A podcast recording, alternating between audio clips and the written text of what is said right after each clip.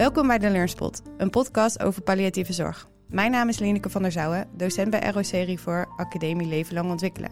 En samen met José van Dijk, werkzaam als verpleegkundige bij Stichting Zorgcentra de Betuwe, gaan we met verschillende gasten in gesprek over uiteenlopende onderwerpen omtrent palliatieve zorg. Welkom José, we gaan het vandaag hebben over de vier fases van de palliatieve zorg. Wil jij ze eens kort benoemen? Wat zijn die vier fases? Uh, ja, ten eerste heb je natuurlijk altijd de ziektegerichte uh, palliatieve zorg. Dat is dan in de beginfase van wanneer iemand een uh, chronische ziekte krijgt of, of de diagnose gesteld wordt tumor. Daarnaast heb je symptoomgerichte palliatieve zorg.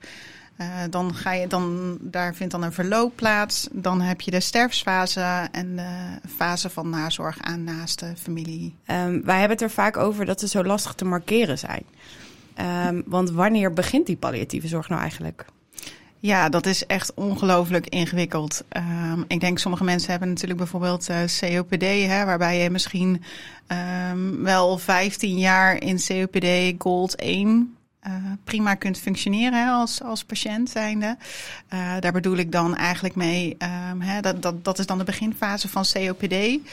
Maar ja, soms zie je dan bijvoorbeeld in één keer binnen een jaar verschillende achteruitgang hè, die elkaar snel op, opvolgen. Exacerbaties bijvoorbeeld, dat zijn dan die snelle achteruitgang bij COPD.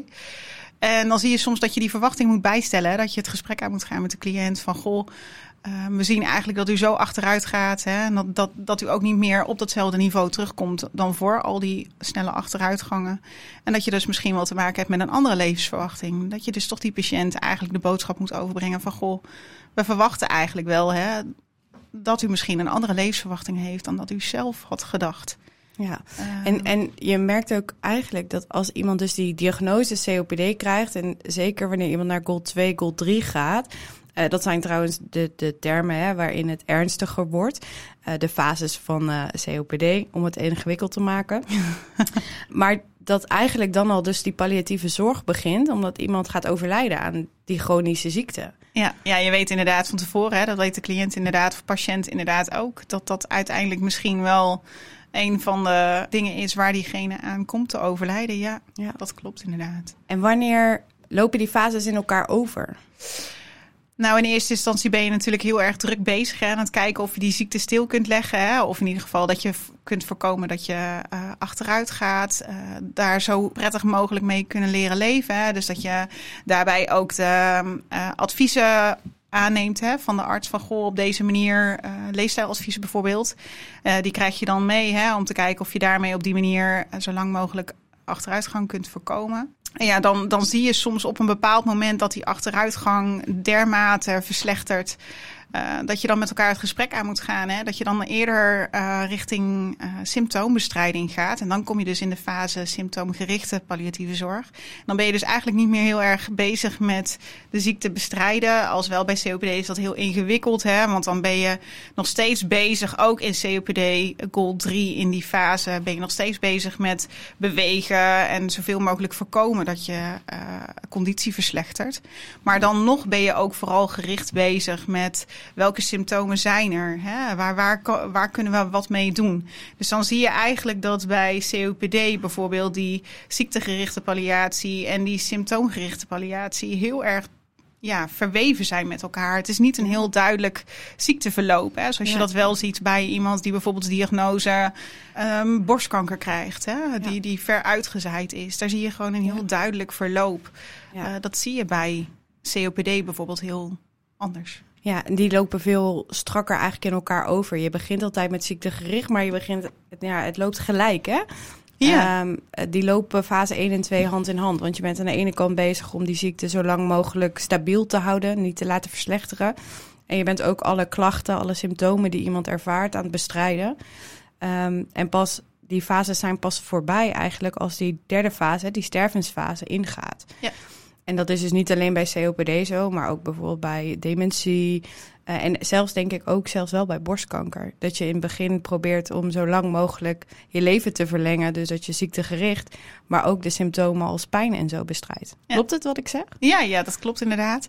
Ik denk ook, hè, daar zie je natuurlijk heel duidelijk uh, symptomen. Hè? Um, ongeacht dat je natuurlijk niet weet wat er in je lichaam gebeurt.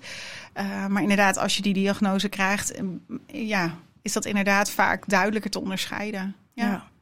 En, en duren die fases allemaal even lang? Is daar iets over te zeggen? Nee, nee. Zoals je zeg maar, uh, zoals je net al hoorde, met COPD is dat natuurlijk een ongelooflijk lang traject. Hè, waar je met elkaar uh, heel intensief bij betrokken bent. Waar vooral ook de cliënt heel erg centraal staat. Staat trouwens natuurlijk bij alles. Um, maar er zijn natuurlijk bij mensen die de, um, bijvoorbeeld de diagnose leverkanker krijgen, wat al ver uitgezaaid is. Ja, dan sla je vaak die hele palliatieve fase al heel snel over. En bevind je jezelf al heel snel in die stervensfase als er dus geen behandeling meer mogelijk is. En mensen dus die levensverwachting krijgen. Um, soms is het natuurlijk wel zo dat je uh, bij borstkanker um, eerst nog in die ziektegerichte palliatie ziet. Hè, met, met chemokuur en dergelijke, uh, immunotherapie, uh, bestraling. Um, maar ook daar zie je soms hè, dat er een, een soort van situatie ontstaat waarbij dat ook niet helpend is. Hè? Dus dat misschien in eerste instantie voor de eerste drie maanden dat, je ziet dat de tumor slinkt bijvoorbeeld. En dat je daarna toch ziet dat symptomen toenemen en dat de arts ook tegen je zegt van goh, hè, het lukt ons niet meer om de ziekte te remmen. En dan ga je dus ook over naar die fase van symptoomgerichte uh, palliatieve zorg. En dan ga je inderdaad op die manier met elkaar in gesprek van goh, hoe gaan we deze periode zo uh, prettig mogelijk voor je maken. Ja. En, en hoe, hoe neem je de cliënt mee? Of de patiënt, hè, net hoe je het wil noemen? Ja, het is vooral heel erg belangrijk. Hè? Dat is ook een beetje het thema wat uh, landelijk centraal staat. Hè? Advanced Care Planning. Dat houdt dan in hè, dat je de cliënt zoveel mogelijk betrekt hè? In, in alle fases. Zodat je de wens van de cliënt voorop stelt. Um, alle fases doorloop je met cliënten. Hè? Welke wensen zijn er? Uh, dat, dat is vooral het belangrijk. Maar dan kun je ook het makkelijkst met elkaar anticiperen op. Um, wat, wat gebeurt er nou allemaal? Hè? Je mensen om je heen met je meenemen. Dingen waar je nog uh, naartoe zou willen. Um, dingen bespreken met je arts waar je over na moet denken in de toekomst. Hè? Wat je wel wilt, wil je niet? Welke behandeling zou je, hè?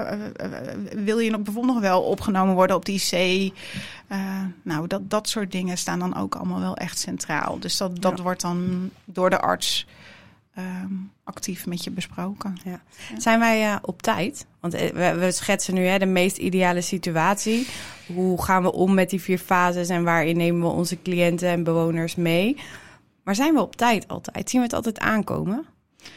Uh, nee, en ik denk ook vaak hè, dat het een heel lastig begrip is, hè, die palliatieve fase, waar we het eigenlijk net al over hadden. Soms is het gewoon ook niet duidelijk wanneer uh, wanneer iemand zich bevindt in die palliatieve fase. Hè? Of, of zien we inderdaad die achteruitgang bij die cliënt en markeren we dat dan met elkaar als zijnde van goh, hè, misschien moeten we met elkaar in gesprek, zien achteruitgang en um, moeten we eens niet met elkaar kijken naar, uh, naar wat we willen in de toekomst. Hè? Dus, dus hoe zien we dan het verloop inderdaad van de cliënt zijn leven verlopen?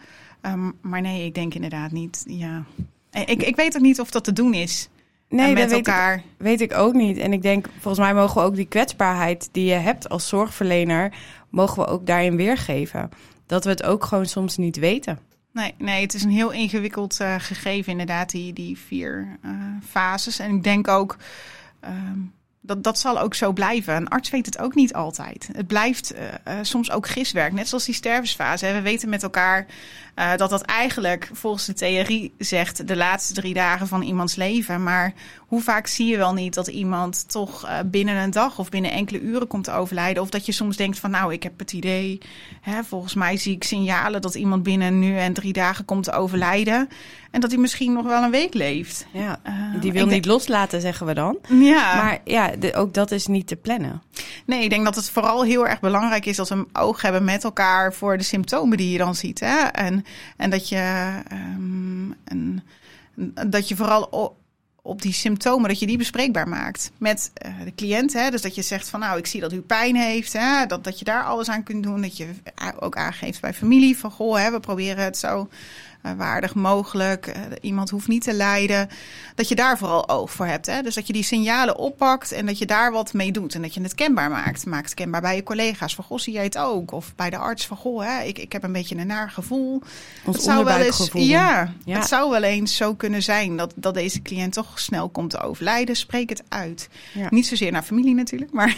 Nee, maar eerst met elkaar of anderen ja. het ook zien. En, en het mag onderwerp van gesprek zijn met je team, met, je, met de arts.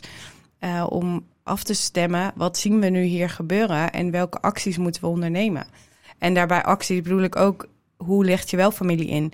Niet op je eerste onderbuikgevoel natuurlijk, maar ook familie daarin betrekken. Als die stervensfase eraan zit te komen. Want wij zien veranderingen die familie misschien helemaal niet ziet.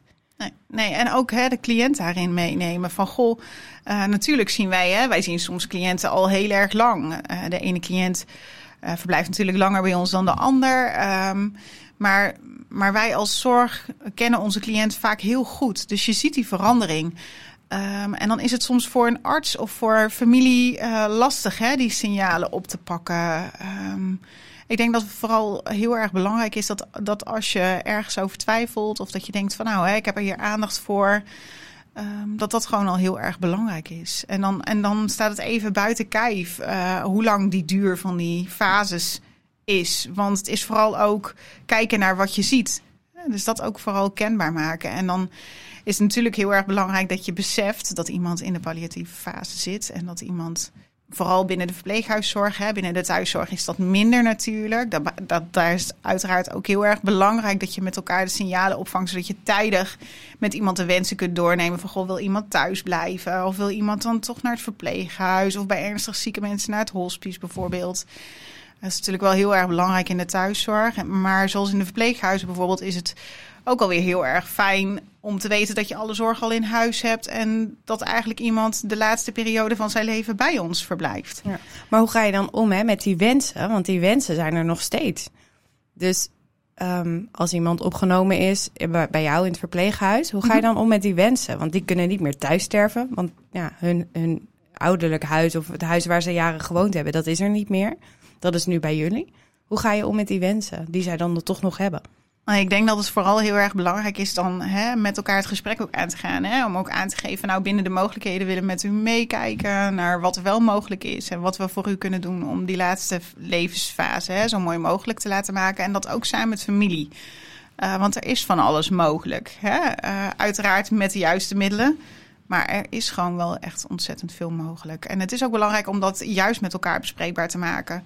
Uh, met elkaar kun je soms net even iets meer bewerkstelligen dan dat je, dan dat je alleen bent, zeg maar. Maak het kenbaar.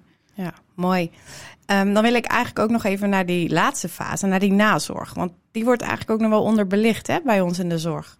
Ja, we hadden het er net al even over. Hè. Ik denk dat het vooral in de, in de thuiszorg misschien wel een beetje een vast omlijnd iets is. Hè, waar je met elkaar meer aandacht voor hebt. Omdat je dan ook de zorg afsluit. En dat je dat tevens ook een beetje als, als evaluatiemoment meeneemt.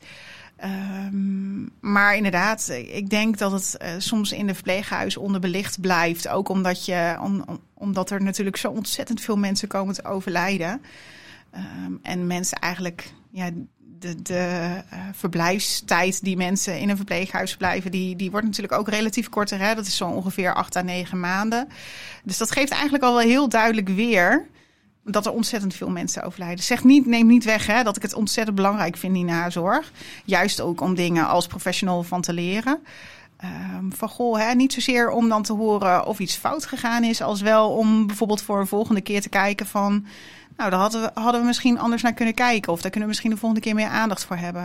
Um, dat, ja. dat ook vooral. Ja, en dan, ik denk dan ook bij nazorg, hè, de laatste zorg die je levert aan cliënten. Dat betekent, uh, vroeger noemden we dat afleggen, maar dat is een verschrikkelijke term die we niet meer willen gebruiken. Gelukkig niet. Nee. Gelukkig niet. Dus we zeggen dan de laatste zorg.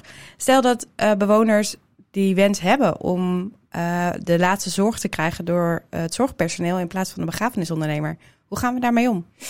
Uh, ja, ook dat is gewoon wel mogelijk. Hè? Je ziet dat het eigenlijk relatief uh, binnen onze organisatie niet zo heel veel voorkomt. Of binnen zorgcentra de beter. Ik weet dat andere organisaties daar wel ook echt uh, um, bewust voor kiezen. Hè? Um, maar ook dat is altijd in overleg mogelijk. En dat zijn vaak wel dingen die van tevoren ook wel weer bespreekbaar gemaakt worden. Hè? Als je weet dat. Als dat je weet van tevoren dat het overlijden komt, hè, want dat weet je natuurlijk niet altijd, dan mag die wens altijd kenbaar gemaakt worden. Dan dan weet je dat inderdaad. Uh, maar ja, net wat ik zei, eigenlijk is het gewoon heel fijn om in ieder geval te weten dat die mogelijkheden er wel zijn. Ja, en dan wil ik eigenlijk afsluiten met de vraag. Uh, mag je dat als zorgmedewerker ook weigeren? Stel dat een cliënt die wens heeft om de laatste zorg te krijgen door, nou, José van jou. Mag jij dat weigeren als zorgmedewerker? Ja, dat is inderdaad uh, een uh, lastig issue. Ik denk dat ik, uh, als ik voor mezelf zou mogen spreken, dat ik het niet zo heel snel zal weigeren. Gewoon ook principe principieel, dus ook vanuit mijn eigen waarde, denk ik dat, het, dat ik het niet zou weigeren. Um, ik denk dat als je het zou willen weigeren, als je het niet zou willen, hè, dat, dat je ook dat kenbaar moet maken met je collega's. Van goh, hoe ga jij daar nou mee om? Of is het iets wat jij over kunt nemen? Um, want ik denk wel dat je het mag weigeren. Ik weet het eigenlijk niet zo goed. Ik denk dat je het mag weigeren. Kwalijke zaak, ja. En dat gaan we uitzoeken. Maar het is wel goed om ook je gevoel daarbij hè, uh, in de gaten te houden. Uh, bij al die fases. Um, ja. Jouw gevoel mag er zijn, ook als zorgverlener. Dus ook in die laatste fase, als je echt geen laatste zorg wil verlenen, mag je weigeren. Maar bespreek dat wel vooraf, zou mijn tip zijn. Ja, nou ja, juist denk ik omdat ik vanuit mijn eigen denk dat ik het niet zou weigeren, denk ik dat ik ook het antwoord er niet op weet. Ik, ik wilde nog wel even toevoegen aan de nazorg, zeg maar. Hè. In de sterfsfase is het ook zeker wel belangrijk om uh, uh, oog te hebben voor elkaar. Hè. Ja. Um, dus zeg maar, naast het feit dat we natuurlijk met elkaar vaak uh, familie betrekken, is het ook belangrijk om met je team of als zorgprofessionals, hè, bijvoorbeeld met een arts, om toch nog eens te kijken van wat heeft het met je gedaan. Hè? Sommige casussen brengen heel veel met zich mee. Ja. En is het soms heel ingewikkeld of juist niet. Hè? Uh, los van dat feit is het gewoon... Uh, als je het nodig hebt voor je gevoel, is het belangrijk om het met elkaar bespreekbaar te maken. Ook in die nazorg uh, ja. nadat iemand is overleden. Mooi. Mooi inderdaad dat je nog afsluit met zorg ook voor elkaar in die, in die palliatieve zorg. Niet alleen voor de cliënt en familie, maar ook voor jou en je team. Ja, absoluut. Super, dankjewel. Bedankt voor het luisteren. Wil je meer weten over palliatieve zorg? Volg dan deze podcast of ga naar www.rocrefor.nl slash leven lang ontwikkelen.